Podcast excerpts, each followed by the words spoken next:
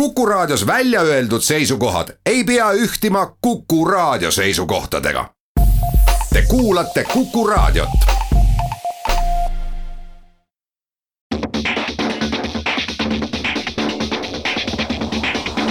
autotund. see on saade sulle, kui sul pole päris ükskõik, millise autoga sa sõidad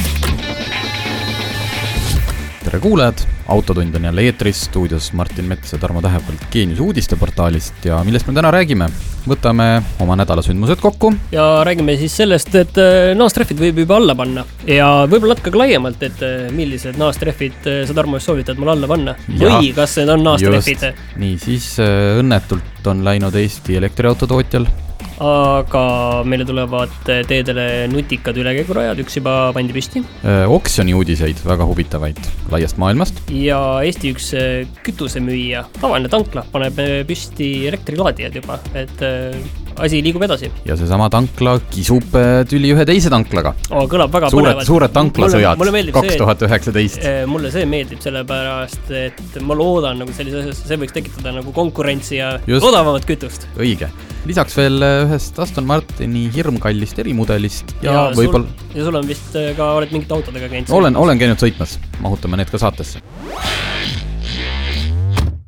nii, Martin, mis oli sinu selle nädala äh, sündmus või asi, mida sa tahaks inimestega jagada? tahaks su käest küsida, et äh, lihtsalt sõitsin ühe auto taga ja, ja juhuslikult pärast seda sattusin tegelikult lugema ka ühte internetivestlust et äh, miks on autodel laps autos või baby on board sellised äh, sildid või märgid peal, oskad öelda? jaa, sa oled äh, uhke selle üle, et sul on laps ja et sa ei ole riigile kurnav või mis see, mis see oli see, et sa ilma lasteta inimene ja, on yeah. riigivastane tegevus mina mõtlesin ka, et see on selline asi, et eh, noh, nagu ilu, ilu pärast, et sa paned nagu, mõned panevad endale nagu need rallisõitjate need nimed ja, ja lipud või siis noh, või siis enne kui sa noh, väga tõsiselt, ma, ma võin karta, kuhu see jutt läheb ja kui väga tõsiselt solvama hakkad, siis mul ühel autol oli ka see peal, et siis no, siis eh, ütleme niiviisi, et see sõltub sinust endast.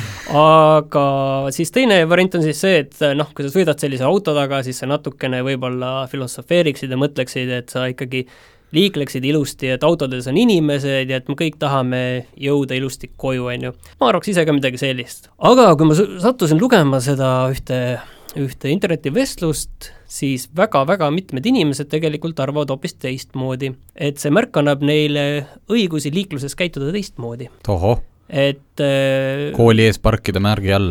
no näiteks selliseid asju või siis see, et, äh, et on õigus saada eesõigust mingites olukordades või see, et mul on laps autos, ma võib-olla pean talle lutti praegu suhu panema, et ole valmis, et ma võin käituda ootamatult, teha ootamatuid manöövreid ja et ühesõnaga arvestage minuga, et mul on laps autos ja see teeb mind tänaval äh, ettevaatlikuks. Nii et äh, minu jaoks oli see väga üllatav, et, äh, et inimesed panevad märke ja arvavad niiviisi, kas sa arvasid ka niiviisi?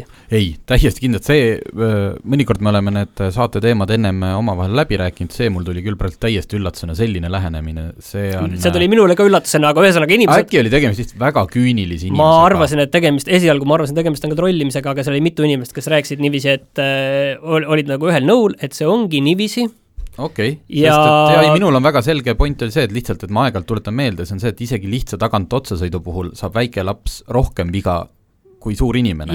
et see lihtsalt, et sa et... korraks nagu, ütleme, kui sa oled seal telefonis või kimad ja sa näed, et see baby on board äh,, siis sul korraks ikkagi äkki käib peast läbi, jaa, et autodes on päris inimesed ja just, kõik need ei saa just. teha öö, otsuseid ise roolis mm, -hmm. nagu mina ja sina, et öö, ma mõtlen ka, et jääme ikkagi sellise lähenemise juurde ja, ja inimesed ja mõelge ka, et ärge, ärge, ärge, ärge mõelge, et see annab teile kuidagi eesõigust või, või võimalust käituda mitte liikluseeskirjade järgi. just, no minu nädala sündmus, see oli küll eelmine nädal, aga ma olen seda hoidnud äh, nagu maasikat ma mäletan, äh, aasta võis olla kaheksakümmend viis, kaheksakümmend kuus vist, olin juba Tallinnast ära kolinud, aga käisime tuttavatel külas ja meie siis toonastel ülemistel naabritel oli juba olemas värvitelekas ja oli see Soome plokk, iga telekaga Soomet ei näinud, ka Tallinnas mitte ja me käisime vaatamas loomulikult Knight Riderit. see, ma arvan, et te käisite vaatamas ikkagi Ridari ässa. Ridari ässa, muidugi. mina, mina teadsin seda väiksena ainult äh, Ridari ässana, mitte Knight Riderina. just,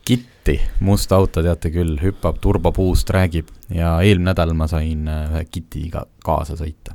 ta oli välimuselt äh, peaaegu perfektne kitt, see on Eestis ühe entusiasti poolt ehitatud, seal on mõned nupud puustu, turbo boost'i nupp kahjuks oli puudu, aga välimus oli täiuslik, see ees see vilkuv tuli, värv, kõik, sees juba see põhikonsool oli olemas, noh, ja tal on ühendatud seal see audio niimoodi, et see KitKook räägib sinuga noh, ta ütleb selliseid suvalisi väljendeid. lihtsalt ütleb lauseid, mõtlen, et ei ole mingit veis kiti häälega või mingeid selliseid asju? ei, ta on ikkagi võetud, ta ütles, et ta on neid netist tõmmanud, sest sellist kiti ehitajate koolkond on päris suur, see ei ole kindlasti mm. ainulaadne auto maailmas saab sealt faile, ta ütles, et ta on ise seriaalidest lindistanud neid, no ikka sama mm, -hmm. Hello Michael mm. -hmm.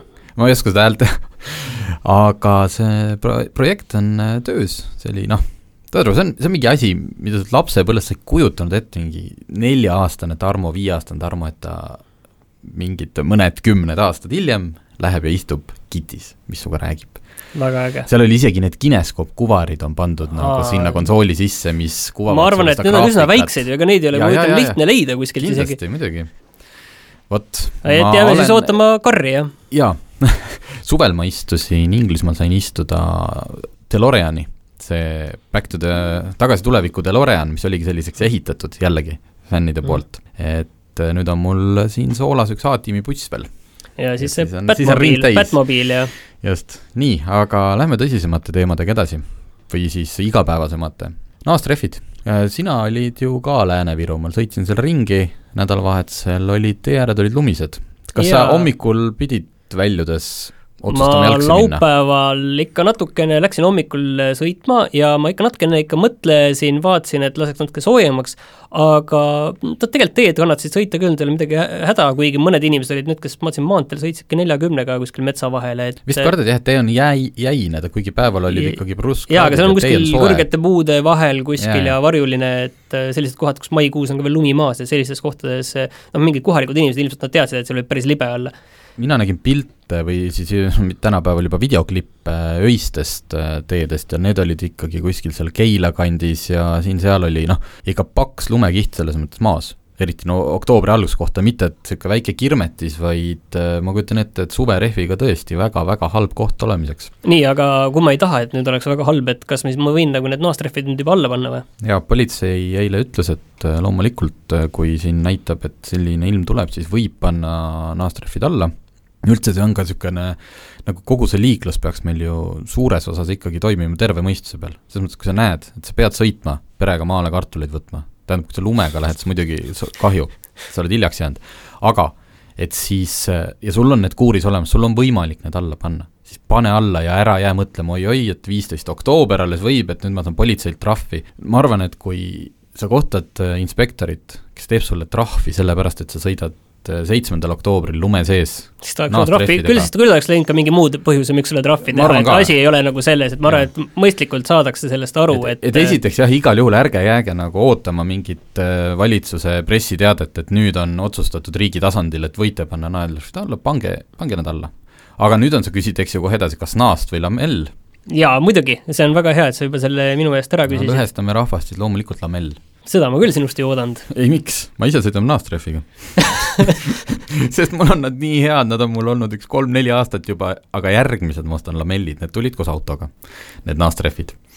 Aga noh, see, alati inimesed ütlevad nendel äh, üksikutel kordadel, kui talvel tõesti tuleb lumi maha, sõidetakse siis äh, kinni, noh, ühesõnaga mingid ilmastikuolud, mille tagajärjel tekib kiilas jää. Ja me saame aru, et kõik need tuhanded kilomeetrid äh, riigi ja kõrvalteid ei ole võimeline keegi kohe esimese tunniga ära soolatama, just, jah, noh nendes olukordades kiilas jää peal toimib naelrehv paremini, kuniks ta on sul uus ja need naelad seal peavad. kui need naelad on kulunud sul teist-kolmandat hooaega all, siis on need juba ju sellised nagu väiksed punnid seal ja siis sa sõidad sisuliselt lamellrehviga, millel on natuke kehvem pidamine. Äh, tuleme kohe tagasi ja siis räägime sel teemal edasi, mul on tunne, et siin läheb kohe veel tuliseks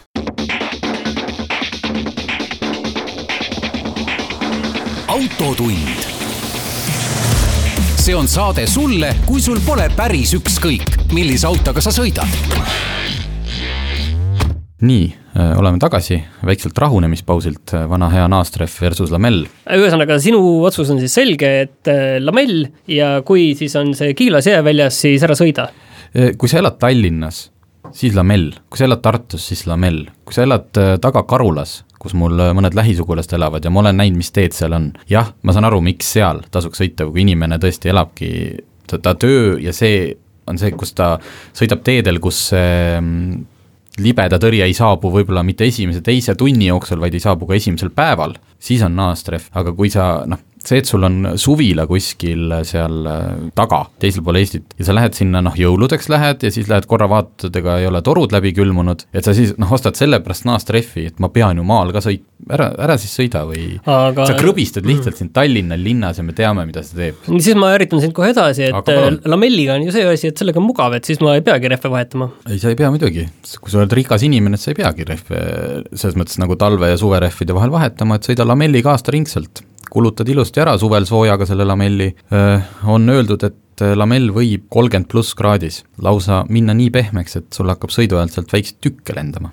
et lamelli puhul, kui teid ei huvita see, et selle pidamisomadused soojas on väga kehvad, miks ei tohiks lamelliga suvel sõita, aga äkki teid huvitab teie rahakott, teil lihtsalt ei ole mõtet oma lamellrehve suvel siledaks sõita? ma olen nagu ise kogenud seda, et äh, korraliku sellise vihmasajuga olles äh, lamelliga suvel, siis äh, on probleeme, et seitsmekümnega autot teel hoida. sest see lihtsalt hakkab niiviisi ujuma, see auto minema ja konkreetselt ma jäin tee serva, ootasin, kuni see kõige hullem vihm mm -hmm. üle jääb, Narva maantee peal ilus tee, sirge, puhas, kõik aga lihtsalt auto ujub minema. et inimesed arvavad äh, palju, et, et see rehvi muster on see, mis teda tee peal hoiab.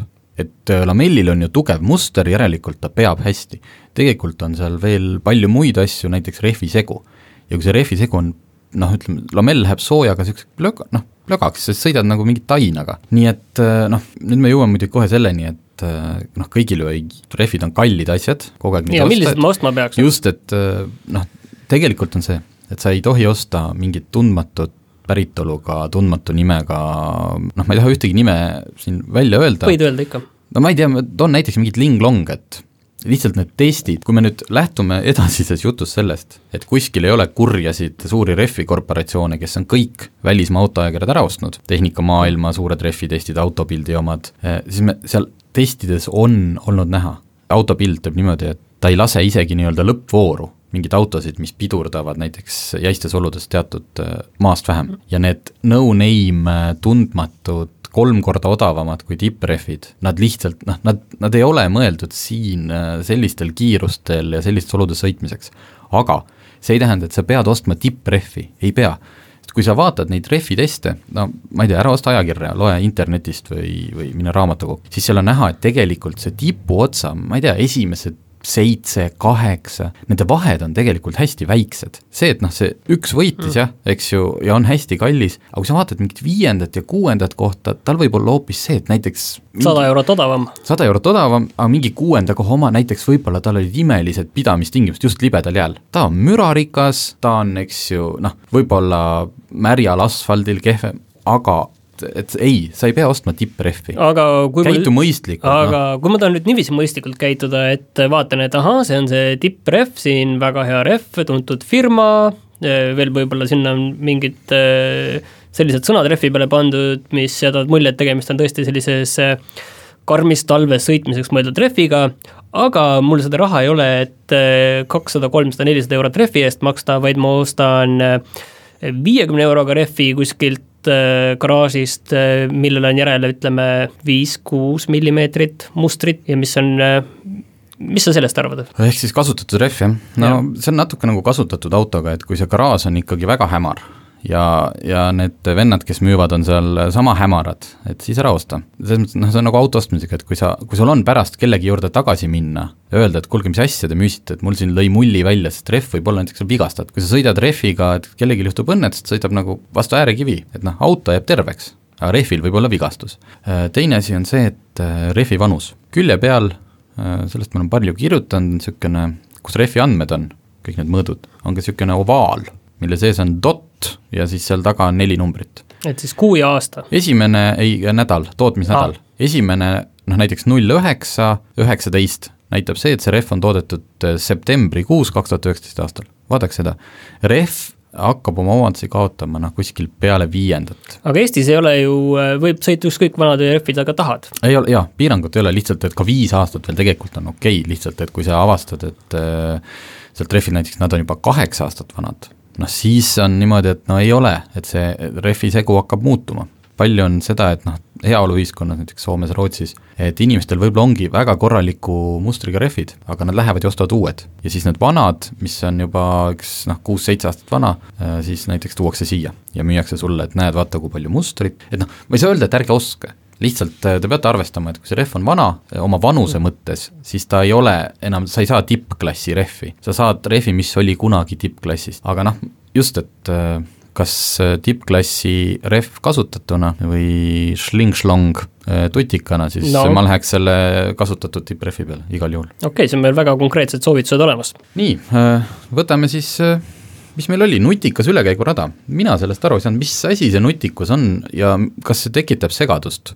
Minu arust oli see, et seal lähevad tuluksed hakkavad põlema ja heli hakkab mängima ja öö, inimene läheneb ülekäigurajale ja siis, kui ülekäigurada saab aru, et kuskilt läheneb suure hooga auto, mis ilmselt ei kavatse pidama jääda, siis ta hakkab jalakäijale mängima mingit heli. see võib tekitada segadust, aga samas see püüab su tähelepanu ja sa jääd seisma. aga küsimus on see kuhu poole sa hüppad siis ma ei tea, teie peale võib-olla ei hüppaks, aga küsimus selles, et kui me, kujuta ette, kui meil nüüd linn oleks selliseid täis, mis hakka-, kõik igal pool ülekäigurajad helisevad. kõigepealt röögib sul äh, ümber kukkunud Bolti äh, tõukeratas akna all, siis on see ülekäigurada, mis ka öösel lolliks läheb kogemata, sest et noh, mingi asi lendas tal anduri ette ja siis meil ma näen täis. selle ülekäiguraja pilti, mis on äh, seal äh, Ülemiste taga. jaa, et Eestisse et, pandi üks selline yeah. püsti. et aga seal on veel teekünnis on ka veel, et ja. Äh, mõistlik autojuht ilmselt sinna väga, väga suure hooga nagu peale ei lähe, kui ta ei taha nalja teha just. jah, ja tegemist on pilootprojektiga, üks ettevõte, mis neid toodab või vahendab, pani selle sinna püsti, see jääbki sinna, see ei ole nagu see, et nüüd kahe nädala pärast kraabitakse üles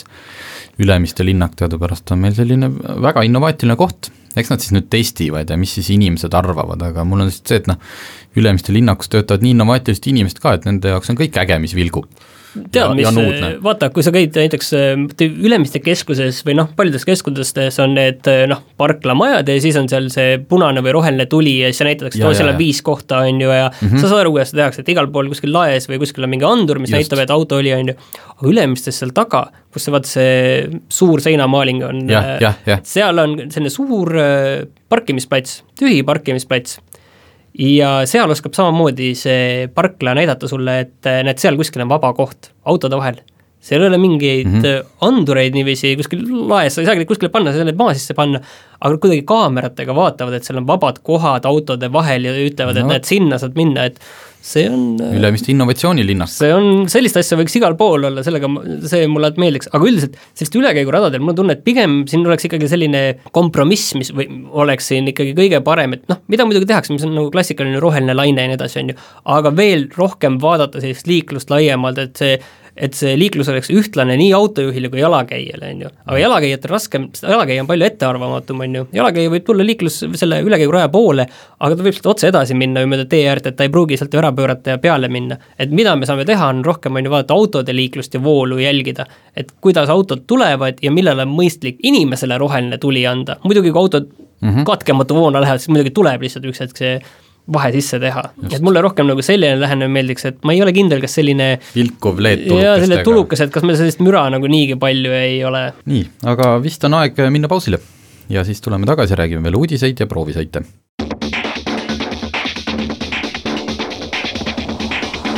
autotund. see on saade sulle, kui sul pole päris ükskõik, millise autoga sa sõidad autotund on tagasi, minule meeldib automaailmas äh, alati ma äh, klõpsan lahti uudiseid, mis puudutavad oksjoneid, eriti kui on noh, hästi mingid kallid oksjonid, sest on ikka tore näha, kuhu inimesed oma raha kulutavad, aga siis on vahepeal sellised huvitavad oksjonid, mis on pigem huvitavad selle poolest, et mitte, et mida müüakse, vaid mis kollektsiooniga on tegu. ja siin viimasel ajal on olnud kaks oksjoni uudist, üks on tulemas, ei nad mõlemad olid tulemas, üks vist on praeguseks hetkeks toimunud, ma tulemusi ei tea, äh, läks müüki ühe Ekvatoriaalguinea asepresidendi äh, kollektsioon.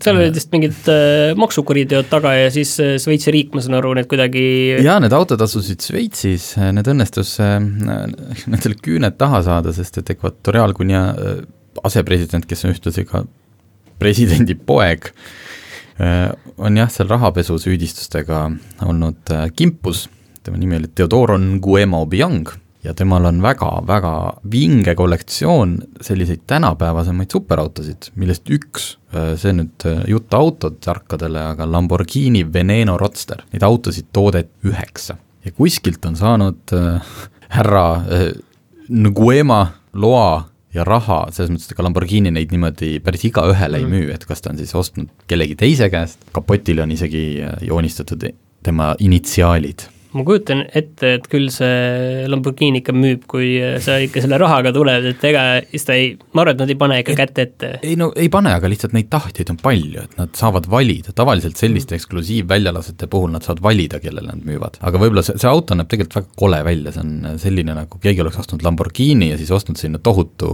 niisuguse rõve tuuningu peale hästi palju tiibasid ja plast, noh niisugune, võib-olla sellepärast Lamborghini oligi talle nõus müüma. Äh, kollektsiooni väärtus äh, on hinnanguliselt seitseteist miljonit eurot, äh, mis on, mille müügitulud lähevad erinevate sotsiaalprojektide toetuseks seal riigis, ainult et noh, mida ei olnud täpsustatud, on nüüd see, et kui see riigi valitseja on jätkuvalt selle härrasmehe isa, et kuidas, kui see raha nüüd suunata sinna tagasi riiki sotsiaalprogrammidesse, et kuidas teha kindlaks, et uusi autosid ei osta. isad-poega ei võta seda ringiga kätte ja ei lähe osta uusi autosid. ilmselt see ei ole kindel, aga mis see teine oksjon on? Äh, teine on selline natukene nukrama alatooniga, et äh, Paul Walker, kes on tuntud peamiselt Kiired ja vihased filmist, äh, Brian O'Connor, kes sai traagiliselt liiklusõnnetuses hukka, temal tegemist ei olnud sugugi näitlejaga, kes oleks teeselnud, et talle meeldivad autod, vaid talle päriselt meeldisid autod, kogus kokku päris huvitava kollektsiooni Äh, pärast seda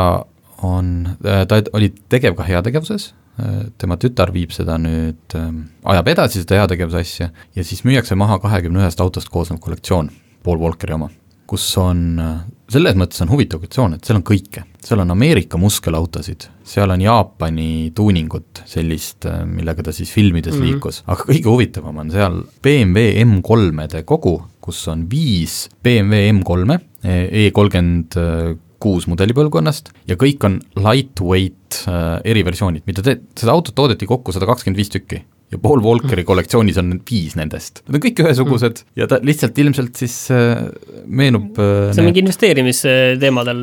ilmselt, ma arvan, et need on väga head investeeringuautod, aga meenub nagu see vennad Schlumpfid äh,, kelle kogu on Prantsusmaal ühes linnas näha, maailma suurim autokollektsioon kes kunagi olid nii suured Bugatti fännid, et nad põhimõtteliselt ostsid kokku kõik Bugatid, mis vähegi müüki tulid.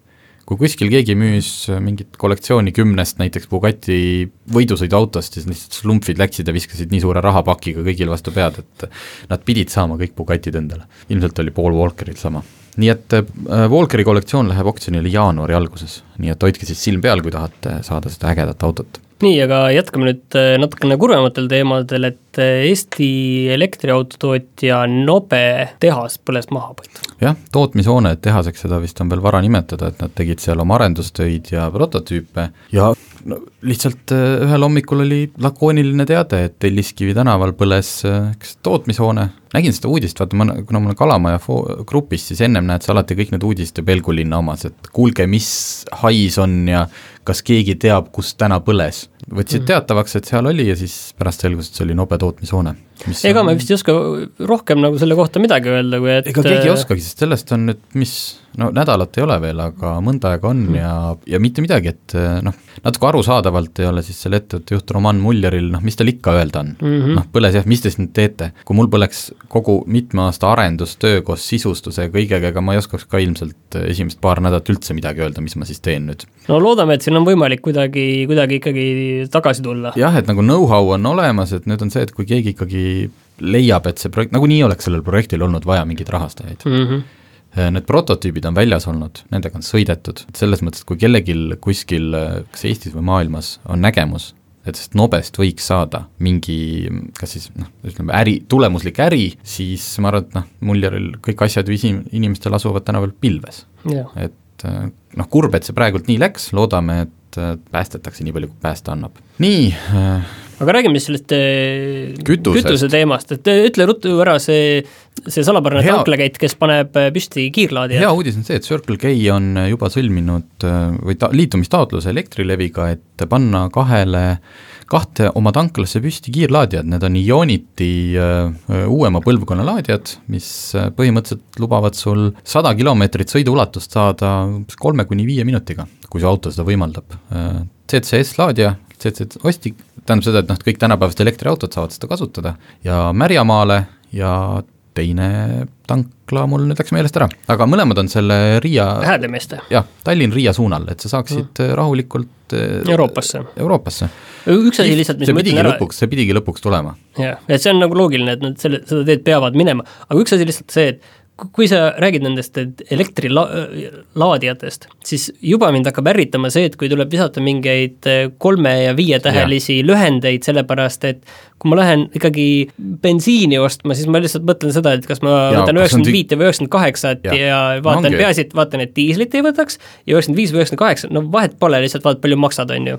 Et äh, juba on keeruline see, et nüüd on mingi laadija, ma saan aru, et see ei, see on, tegelikult on see, et äh, kui sul äh, on mingi muu, siis seal äh, adapteritega saad ka seal laadida. lihtsalt kui sul on mingi eriline auto, siis on sul tõenäoliselt ka see adapter kaasas, noh mm. -hmm. ma ise ei ole ka elektriauto omanik, ma ei tea, aga see on võimalik. aga mis on hea uudis, esimene tankla teeb seda, loodan, et teised tulevad järgi ja ei jääda ootama, et äkki mingi järgi, müstiline riik ükskord kuskile teeb midagi. nii, aga seoses selle Circle K-ga oli hoopis selline väike, mis me siin, intriigivärk, et kui Alexela tegi siin kuusteist september kampaaniat, et tulge meie biometaani tankima, tund aega tasuta, see oli vist mingi päev, kui Alexela korraldas ka ühte mingit konverentsi roheenergiast, rohekütusest. et tulge, et tund aega on biometaan tasuta CNG gaas, siis äh, nüüd äh, Circle K saatis pressiteate, et lasi natukene advokaatidel seda uurida ja andis selle info edasi ka ministeeriumitesse, et see ei ole üldse mm, ilus niimoodi teha mitte ilus, vaid tegelikult nii ei võikski teha Jaa, nende seisukohast. aga miks? sest et biometaani tootmiseks äh, saab riigi abi praegult. riik toetab seda päris korralikult, sest see on hästi öko ja sisuliselt äh, noh, Circle K väide oli see, et äh, Alexela võib seda gaasi anda ära tasuta, ta saab ikkagi sealt kasu, sellepärast et riik maksab talle selle kinni ta näitab, palju tal seda biometaani kulus ja riik, ta saab riigilt äh, mingi osa rahast tagasi. tähendab seda, et Alexela tegi Circle K arust lihtsalt endale noh, promo, ma ei tea, kas Euroopa või, või Eesti riigi rahade eest, mis sisuliselt on loomulikult keelatud riigiabi, et kui mingit asja riik toetab, siis seda ei saa niimoodi võtta enda vankri ette rakendada. väga hea, ei mulle selline äge konkurents meeldib, väga hea. on jah, et muidu on selline muidu on igav, kõik kütusefirmad on ühesugused. muidu tekib see tunne, see kõik need vihjed, noh küll kartelli kokkulepe, näed, et üks tõstis hinda ja teine ka kohe, et nad on seal kõik sõbrad, väga hea, ei ole. nii, teeme pausi ja siis äh, oleme oma viimase osaga tagasi.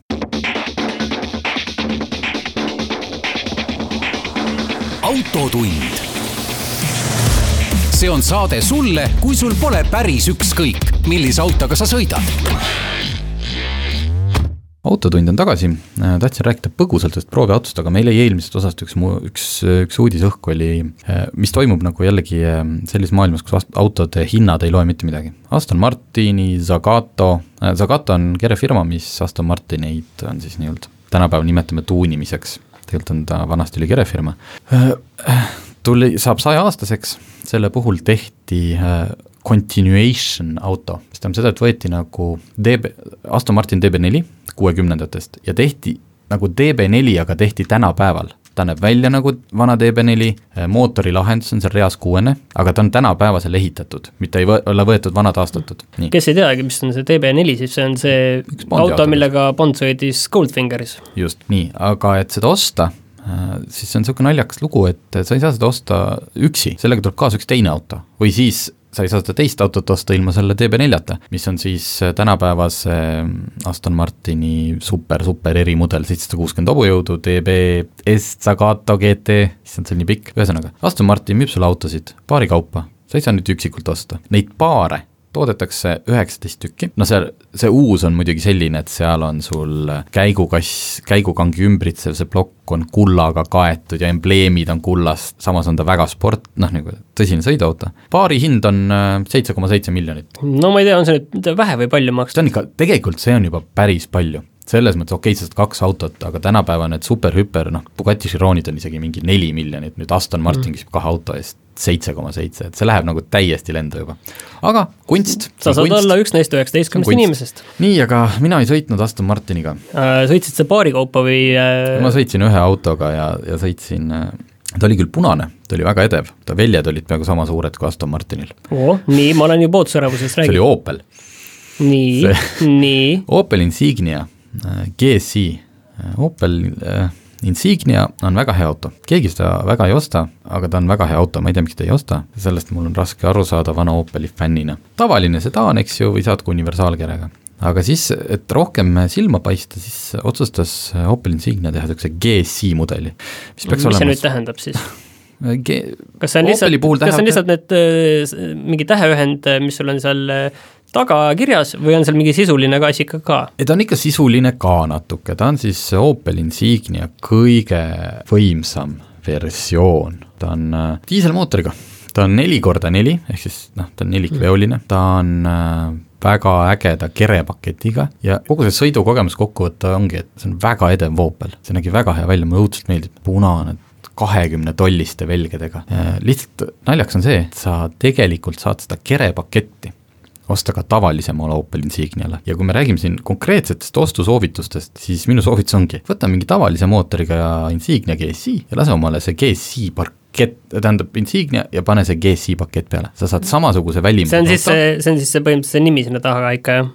no nime ei ole vajagi sul on vaja mm. neid küljelaiendeid, sul on vaja neid suuri velgi, ta ägedaid istmeid, mis seal sees on, sest lihtsalt kogu see sportlikkuse osa, GSI see noh, kakssada kümme hobujõudu, see ei ole tänapäeval sportlik. ta on, ta on täpselt nii sportlik, et sa maksad kindlustust palju, äh, ilmselt läheb sul kütust rohkem, võib-olla on sul suurem tõenäosus sõita radarisse, aga, aga sul ei ole sellist nagu multifunktsionaalset, et tõesti noh, ma alati toon seda juttu, et sa lähed ringrajale ka, keegi ei käi muidugi ringrajal mitte kunagi, ka Aston Martiniga mitte, kui mul see oleks, aga see teadmine. Insignia on suur selline mõnevõrra laisk maanteekruiiser ütleme nagu need hinnad ka nüüd ära, et palju see maksab, et seda natuke kõike konteksti panna. okei okay., konteksti panna, siis see äh, konkreetne auto, millega mina sõitsin, maksis, kui ma ei eksi, nelikümmend kuus tuhat. mis selle konkurendid oleksid ja mis selle baashinnad seal on? no baashind hakkab ikkagi Insignial kahekümne tuhande keskelt kuskilt kus noh, ütleme siis, kus on ka varustust natuke peal,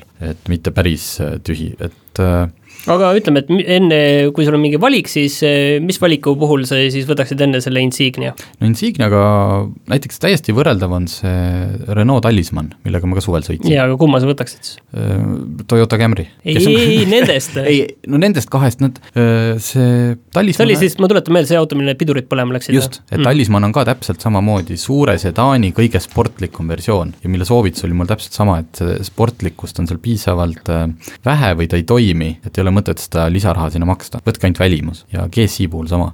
oota, aga kumma ma nüüd võtan ikkagi, ma ei saa aru, ära ütle Camry. ei no mida ma ütlen, selles mõttes, et äh, võta, kumb sulle meeldib, aga ära võta seda tippversiooni. sa, tahad... sa põikled kõrvale kui sa tahad hakata kiiresti sõitma ja paugutama, siis selleks on kas siis sportlikud luukpärad või siis võta juba mõni natuke kasutatud BMW, noh, selles mõttes, et sul ei ole mõtet maksta nelikümmend kuus tuhat eurot selle GSI eest, kui sa ei saa tegelikult selle eest nagu vastu nii palju, kui võiks. ühesõnaga siis ostusoovitust ei anna, ma saan aru? ma ei anna GSI-le, ma annan Insigniale GSI paketiga, kere paketiga, mitte mootoripakk. see on, sellest on keeruline aru saada, lihtsalt et see inimene võib nagu minna natukene, oo, ma olen ostnud sport Opeli. mul nagu tööandja ütles, et äh, võid osta tööauto, vali, et aga et noh, ei või mingi BEM või Audi olla, et võta Opel. no et ma siis nagu noh, lähen võtan see GSI, noh, ma ei tea, ei ole vaja, et äh, ei olnud nii äge aga mõnus oli sõita, ta on selles mõttes, see, mis ma ütlen, et ta on laisk maanteekruiiser, see on äh, positiivselt öeldud. ma käisin sellega Riias ja noh, tõesti oli muret, paned selle püsikiirushoidja peale ja sa tunned nagu ennast tõesti natukene luksuslikuma klassi autos, sul on sport, noh, istmed ägedad ja masseerivad ja et seda kõike võite võtta, see kakssada kümme hobujõudu, ei olnud tunda. ühesõnaga siis noh, ma ütlen, et me peaksime rääkima kilovattidest, aga no okei okay,, las siis sada viiskümmend neli kilovatti. okei okay,, väga hea, sa olid selle arvutuse teinud ja teadsid seda küsimust juba ette et äh, veel siia lõppu, kuna üks minut on veel aega, siis äh, natukene on läinud äh, need tavaautod, mis peaksid olema mõistlikud, võiksid, tarbijanõuanne, et neid võiks osta, kindlasti, lihtsalt võtke see raha, need lähevad väga kalliks väga kiiresti, võtke omale tippvarustus, lihtsalt kõik vidinad, mis te vähegi unistate panoraamkatusest massaažiistmeteni ja jätke mootorid rahule, sest te ei, võtke täiesti tavaline mootor, sest te ei saa sealt sellist äh, raju sõiduelamust. et pole nagu vahet, sa mõtled selles jah, mõttes? just, ei ole vahet, ei ole mõtet selle mootori eest rohkem maksta, võtke see raha ja pange varustusse ja siis minge reisile, noh sellest, mis üle jääb. vot, selline tarbija nõuanne, kohtume järgmine nädal.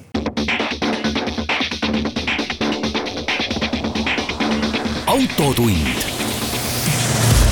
See on saade sulle, kui sul pole päris ükskõik, millise autoga sa sõidad